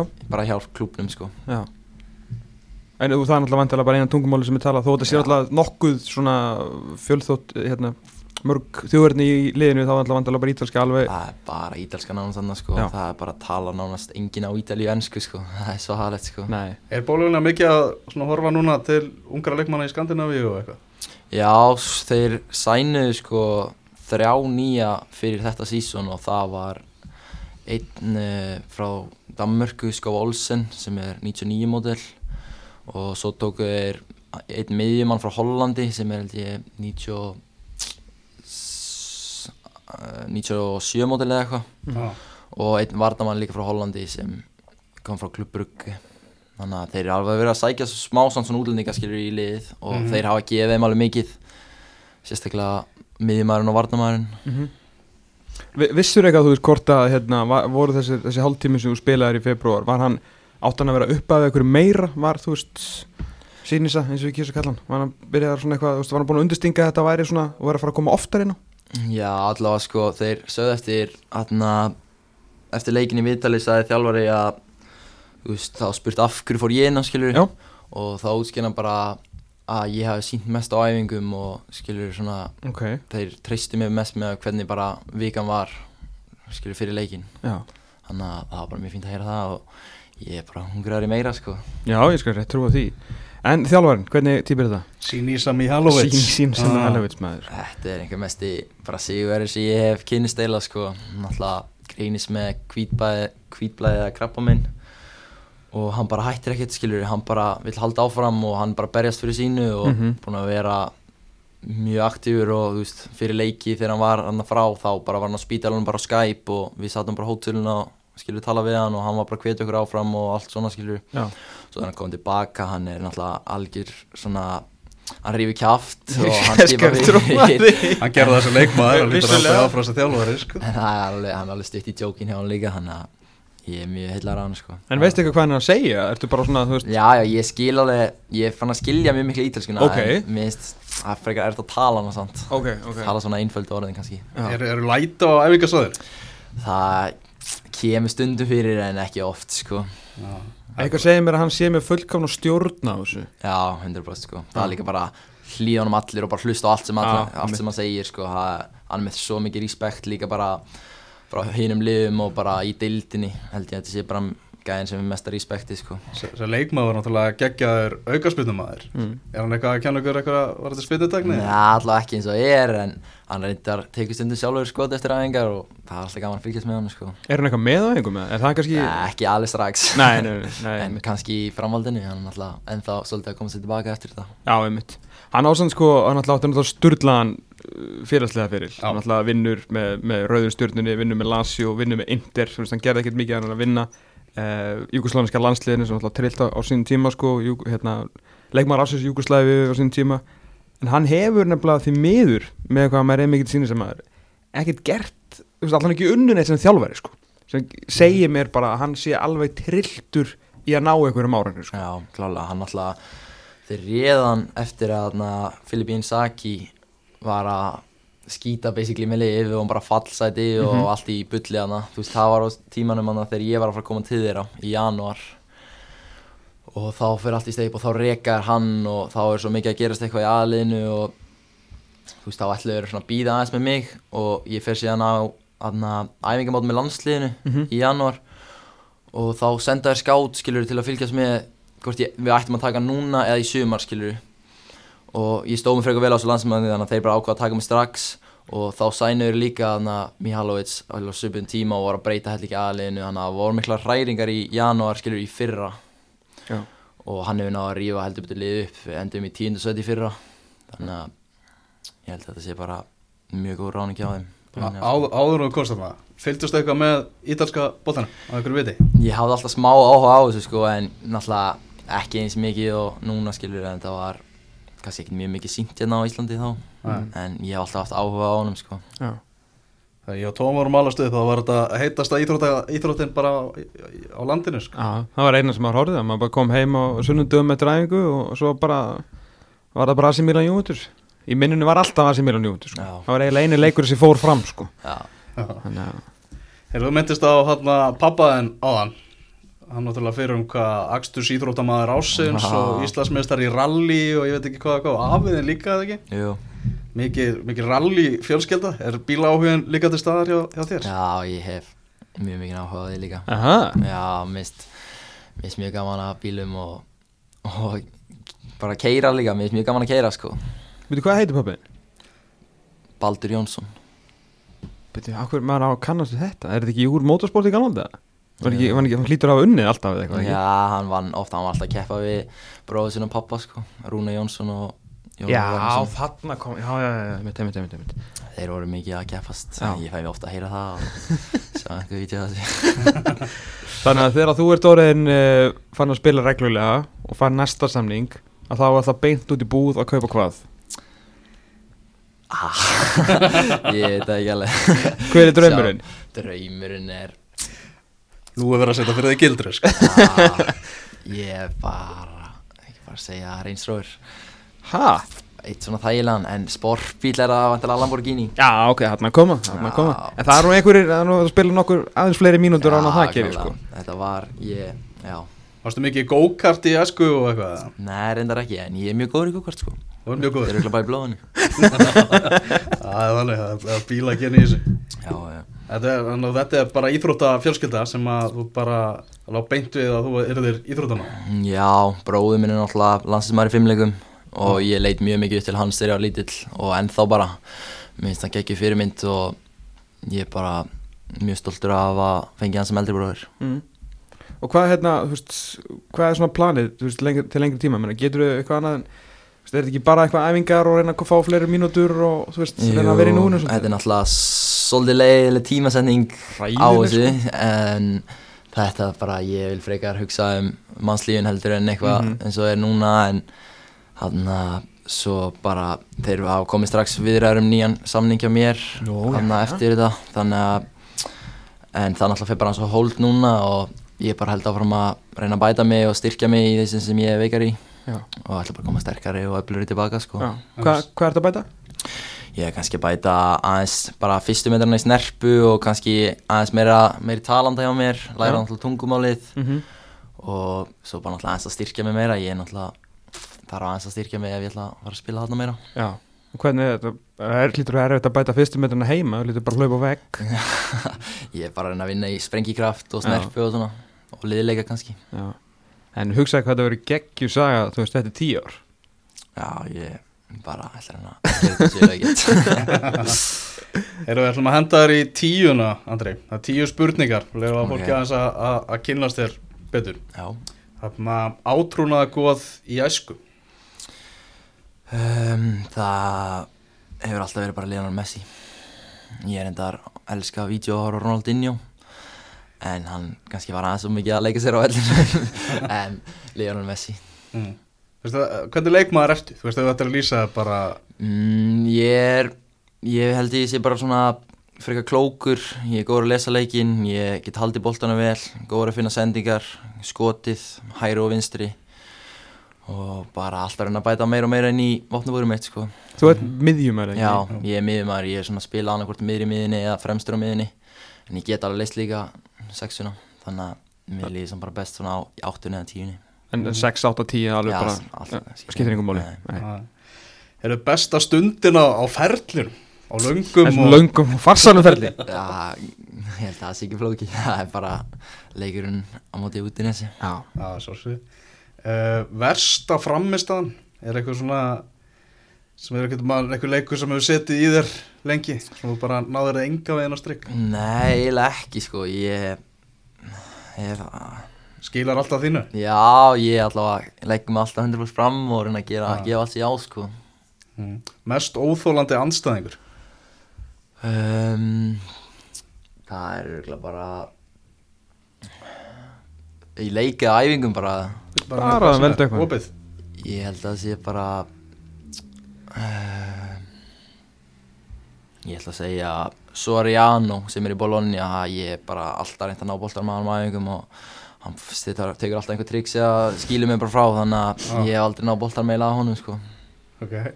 Þitt liði í enska? Manchester United. Það er sjálfsögði Þínir helstu gallar? Uh, ég get verið smá gleiminn og örgulega bara ég get verið smá feiminn en ég er samt búin að bæta helling sko þannig að ég held að ég sé ekki með marga galla sko uh, Uppáhalds, nei þínir helstu kostir Þú ert nú búin að rósa þér eitthvað smá á þann Já, já Ég er ákveðin, ég er mikla trú á sjálfur mér og ég reyna að vera góð við alla mm -hmm.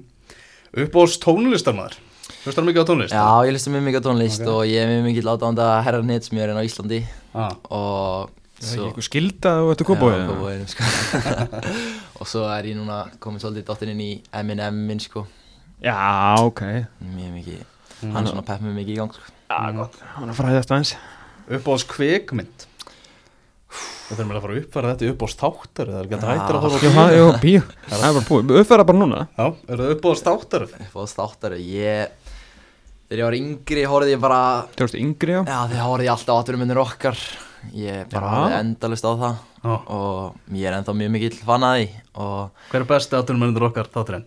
um, það er annarkvort í fyrstu sérinu er það Lói Girs eða Herman Reyðarsson það. Reyðarsson, geggjað. sko. og setni á er það örugglega bara Það er konar þrjár já, Aron Einar eða Gilvi Sig Já. og svo þriðju ætla að sé ekki bara ég veit það ekki, bara snjóbrettagæðin eða eitthvað með það smá tilbreyting.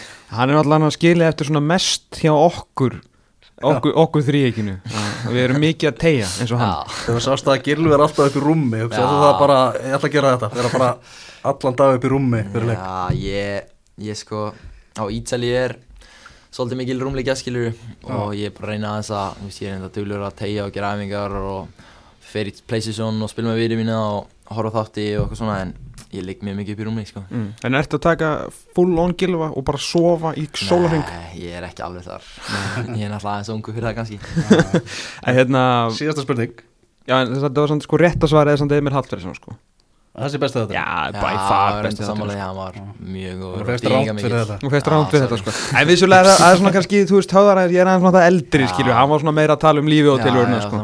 En Gilvi lítur að vera, og Aron svona mjög mikið motivation fyrir ungan Já. fótballamann Já, ég skal trúa því Ef þú þyrstir að vera einhver annar í einn dag. Hver var ég? ah. Ég hef alltaf langað að vera smá David Beckham sko. En já, ég held ég segi bara David Beckham.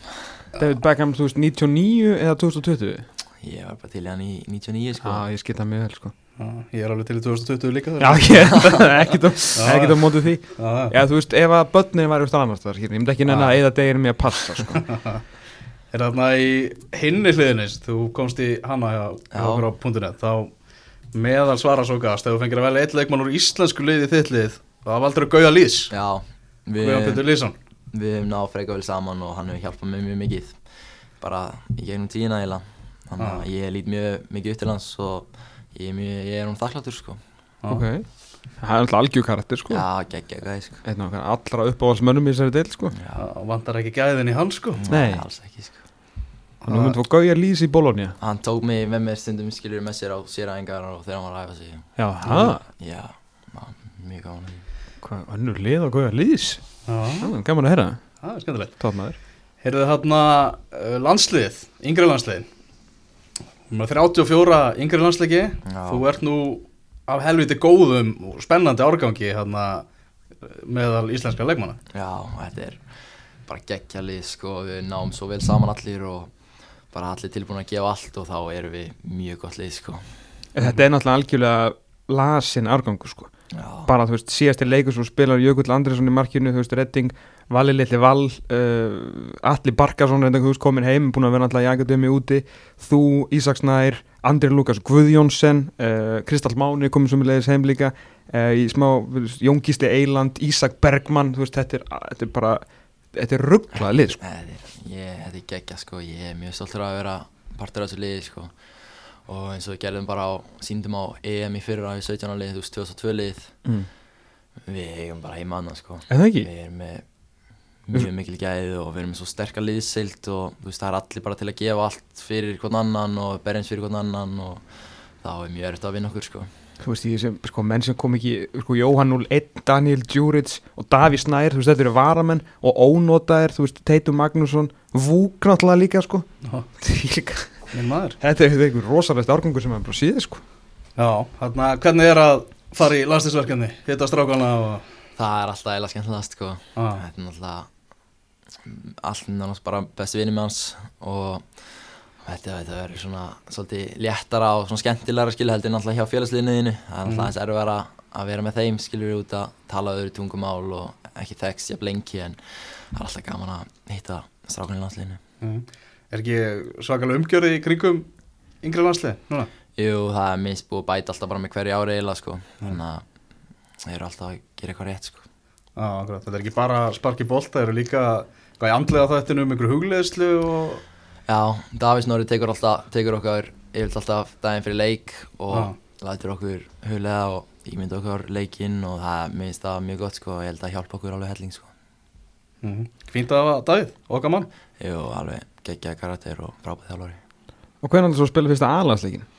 Er þetta ykkur að býða það? Ég... ah, Ég Ég er bara vonandi á næsta árum eða næstu Næsta ári?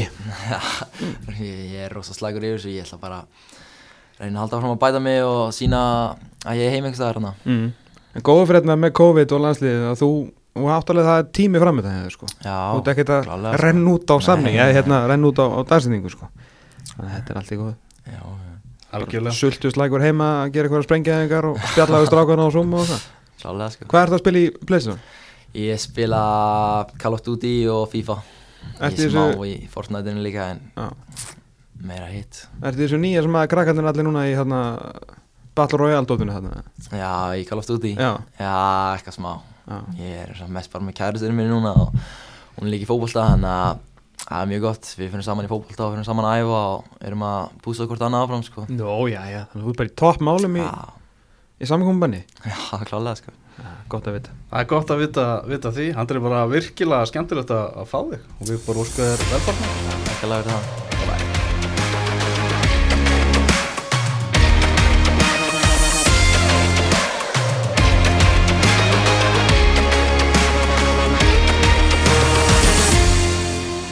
Heyrðu Tom, allt er, allt er hei í harðundum.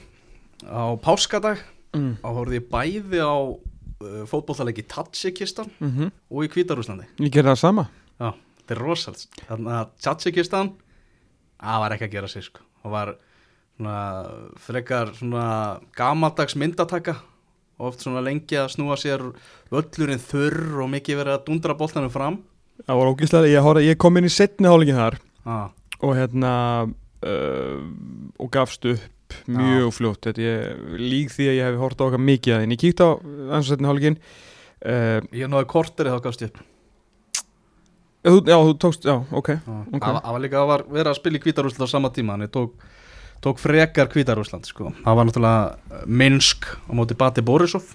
Já, ég hátti einu á páskadag, ég, ég horfði það. Maður var aðalega að horfa hann í í þeirri vonu að sjá Willum en þá var hann akkurat ónotaður varamæður í þeim leik Það var svolítið pyrrandi, sko. Já, líka vegna þess að Bati voru svo miklu betri leiknum og bara slátruðu þessu. Já, og hann var búinn að starta náttúrulega fyrst, fyrstu, eða, veist, fyrsta leikin og svo hann byggaleikin mm. Þannig að hérna, á, á freka þeirrandi, sko.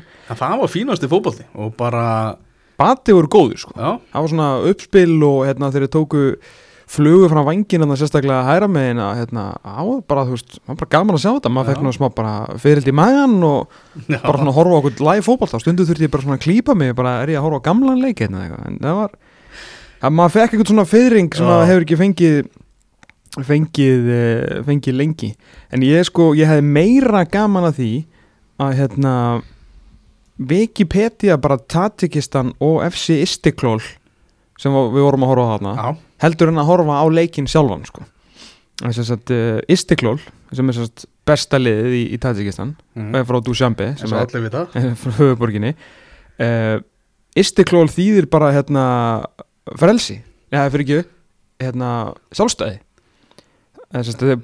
Sjálfstæðisflokkurinn já, þeir eru skýrðir eftir hérna raun og veru sjálfstæði landsins sem kom Já. frá, frá Sovjet þú veist 92 eða eitthvað sko af því að ég Tajikistan hefur alltaf, ég hef alltaf haldið að það sé næsta land við Fjarskanistan já.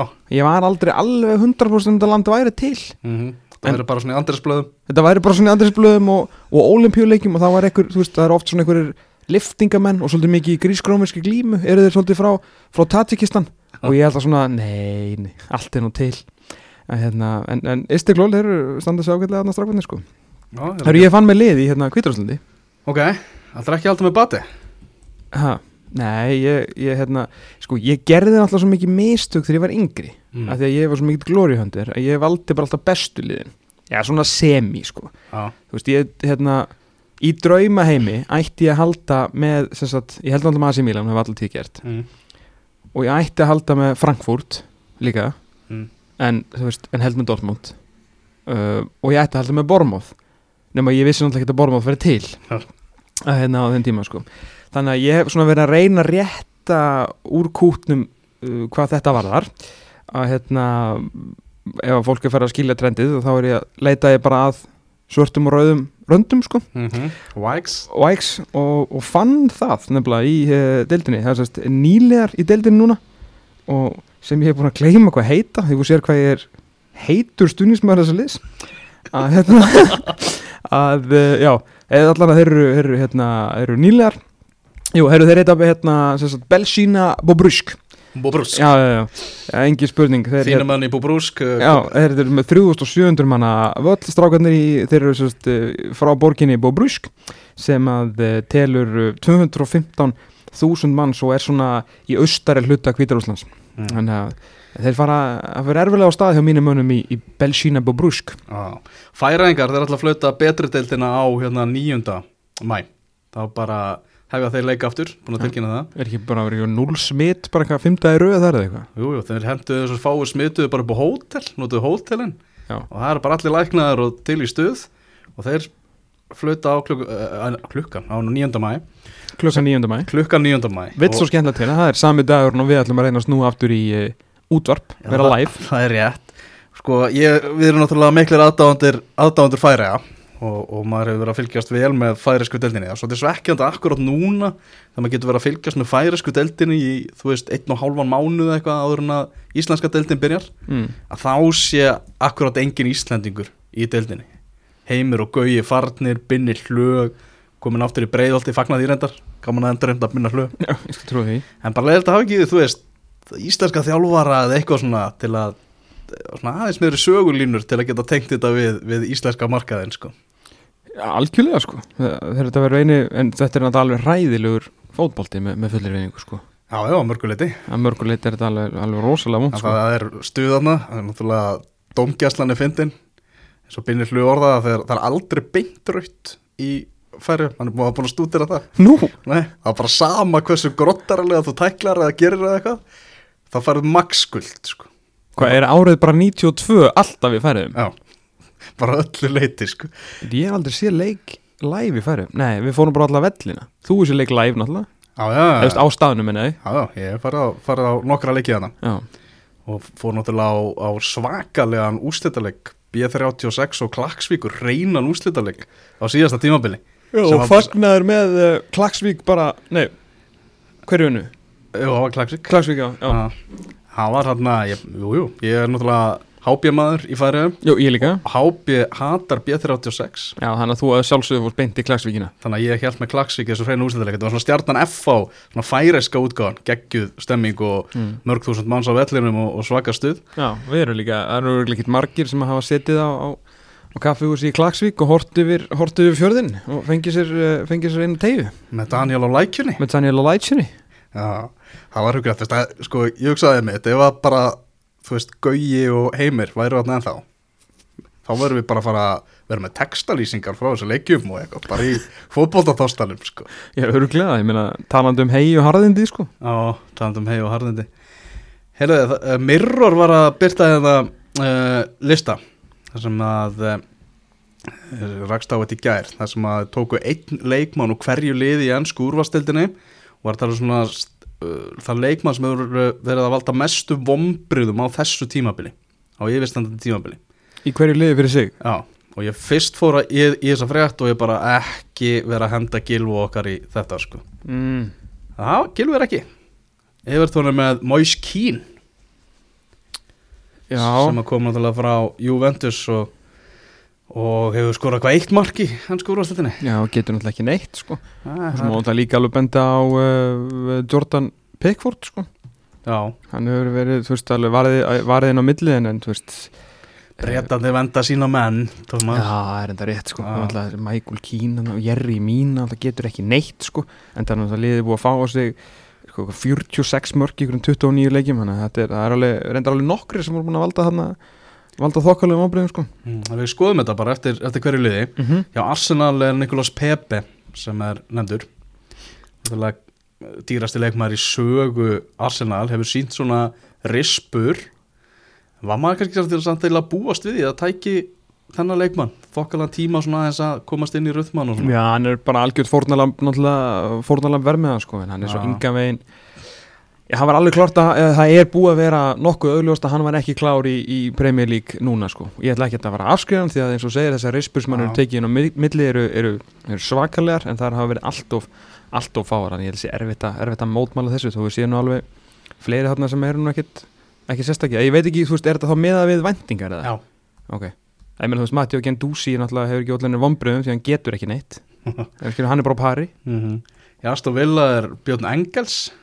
þar sem að svona vörnin hefur verið klárlega helsti veikleiki Aston Villa á þessu Mhm. tímabili eh, Bournemouth, það var auðvelt var þar það er náttúrulega Ryan Fraser sem var geggjar 2018-2019 og var hérna bara komið með annan fótinn til Arsenal og Mhm. eitthvað Og bara, hvað, var hann stórstinga kongur eða í öðru setið eitthvað? Það var bara, hann var, ég held að hann kom með beinum hætti að einhverjum sko 25 mörgum á, á síðustu leitið með mörgum og stórstingum, þannig að sá, sá hvarf, sko. Þvílitt fall Og sko. reyndur bara allir þessi þrýr hérna, Callum Wilson, Joshua King og hann, sko, en, Ryan Fraser náttúrulega flög, flög hvað hæst. Já.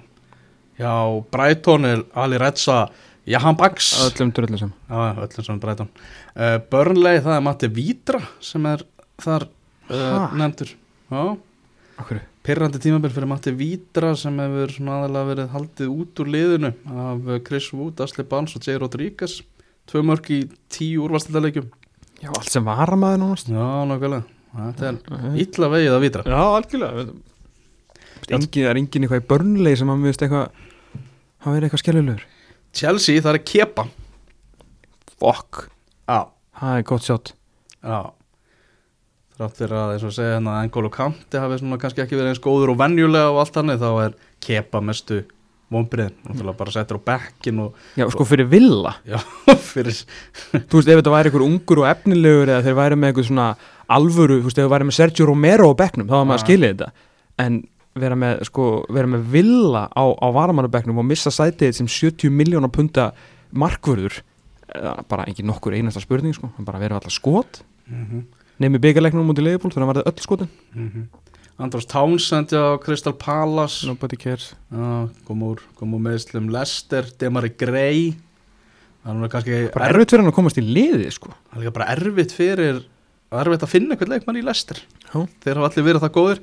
Uh, Demara Grey náttúrulega hann ætlar bara að vera fastur einhvern veginn í þessum pakka. Vera bara svona varamæður sem kemur inn og sprengja þetta upp eitthvað. Já, algjörlega, hann bara, hann kemst, getur ekki brotist í leið inn í, í, í aðaliði, sko, þeir náttúrulega líka voru mjög, að þeir fóru það vel á stað, það náttúrulega var, sko, hugmynd Brendas Rodgers um byrjunliðið sitt orðið ansi fastmótuð, en af því sögðu að meira þess að þeir hefur verið að skipta um leikkepi, þá hefur Grey samt verið einhvern veginn alltaf út í skuttunum, sko, og hann hefur farið miklu meira í, ég veit að ég er nættjóðan það miklu meira í framherji, beint heldur en hérna, þú veist, eins og þeir eru farið í 3-5-2 og svona, Mhm. að þá er hérna, Grey er alltaf á bennum, hann veðja miklu meira á Kiletsi í Nacho, sko.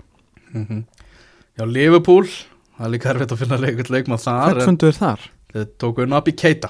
Já, já, já. Hann hefur svona átt í Hann bara að kemst ekki af stað sko. Nei, það er eiginlega þannig, hann kemst ekki á stað. Það er hárið orðað. Manchester City þar er John Stones. Já. Það er, lífið er ekki verið að leika við John Stones. Nei, ég meina hann er að vara mannabæknu fyrir menn sem spil ekki í stöðunas Já, Manchester United, þar erum við að tala um Paul Pogba. Já, skrítið. Já, svona, þú veist, það hefur láttulega verið hægt að taka Jesse Lingard þarna líka mann sem hefur, þetta Pogba hefur alltaf verið meittur eitthvað sko. Mm. en hins vegar, já, Bruno samt svona aðeins að reyna að peppa Pogba upp hlakka rosa mikið til að spila með honum og eitthvað. Og er ekki, aukast ekki líkunar því að Pogba verður bara áfram með Manchester United þegar svona COVID fjárhagskrísan er í gangi? Ég meina hvað er ekki eina fyrst, félagið sem hefur verið hvað mest orðað og eiginlega eina félagið sem verið orðað við, við Pól Pók Nei, ok, þau eru tvö, alltaf bæði Júve eitthvað pæli að fá hann heim veist, heim-ish og svo náttúrulega hérna svo Real Madrid, ég meina, ég sé Real Madrid ekkit fara, er ekki Real Madrid og Juventus bæði þau eru ekkit í þannig stöði í dag að geta verið að kaupa Pól Pogba okkur 80 miljónum punta Nei, það held ég ekki eða hvað sem þið vilja, vilja fá fyrir hann sko. mm. Já, Newcastle er Joey Linton sem að var náttúrulega keftur fyrir ansi væna Nei, hann getur rosalega lítið greið ah, en náttúrulega ekki í liði sem, liði sem er að setja nýtt met. Sko met reyndar sem var sett í fyrra af Árun Einar og fjöluðum uh, ef við að vera með hvað minnst með boltan en Newcastle er samt, hvað, hvað var ég að segja þylja upp síðast í listi fótballtaleik manstu, eins og við listuðu fótballtaleik Já, það var það var hrikalega gaman á, á þeim, þeim tímum. Að ég held að þeir séu með hvað er sem er 33% með boltan í, hverjum leik. Og hvað er þá gaman að vera framherri sko. Mm -hmm.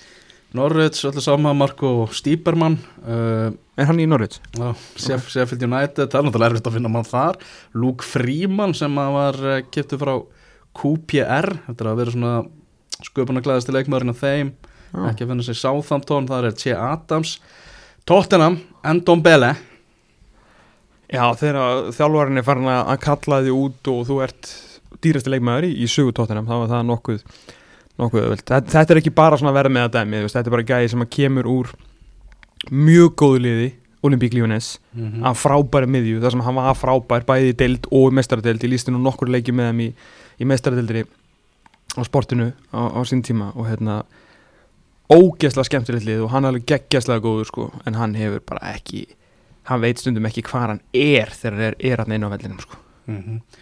Watford, Roberto Pereira hmm. hann er ekki náðu sem hæðum Nei, það var gæði sem að held að hann myndir nú svona fara í top 6 liðin sko á, á kabla algjörlega. Á vestan Filipe Andersson. Hvað hann ári í röða, nei hann var góður fyrir já, já, ég held að sé, það búið sér svo miklu á hann myndi langbesti fótboltamæðurinn í þessu liði sko. Þegar hann er góður þá er hann ógæslega góður sko. ég myndi samt líka að segja hérna, þó að hann hafi verið hann var eins og allt vestamliðið var hann hérna, eins og þú segir, þeir vernda sína menn en eins og allt vestamliðið voru góður fram að landslíkja frí 2 ef maður rétt, þannig að þeir gáttu unnið hennar fræja leik hérna á móti Kristal Palace. Og þeir eru unnið hann þá hefði verið í landslíkja fyrir ekki þá hefði verið meistardildasæti eftir einhverja tíu leikið, átta leikið eitthvað. Svo náttúrulega unnur ekki leik bara í fjóra mánuði. Já, og yfir þennan kabla hefur sko, hefur enska pressan alveg uh, sko, sleið skjaldborg um Declan Rice. Mhm. sá hefur ekki verið upp á marga fiska sko. En spilar alltaf, hverja einustu mínútu? Hann og Noble, þeir eru bara fyrstir þarna tveir á miðuna og svo bara raðið kring Morgan Gibbs White er síðan hjá Úlfónum Ég hefði valið Patrick Hudrón frekar. Já, sammála því, hann er farin aftur ekki? Og lána eitthvað? Jú, jú, hann bara gæti ekki neitt hjá þeim sko. Nei. Kom nokkuð vart en þetta eru þeir sem hafa allir mestu vonbröðum að mati Mirror í ennskúrastildinni á þessu tímabili. En hver er fyndnasti leikmaður til að spila á þessu tímbili Í ennskúrastildinni? já, Finnasti leikmaðurinn til að spila á þessu tímabili? Já. Uh, Allar Saint Maximin eða?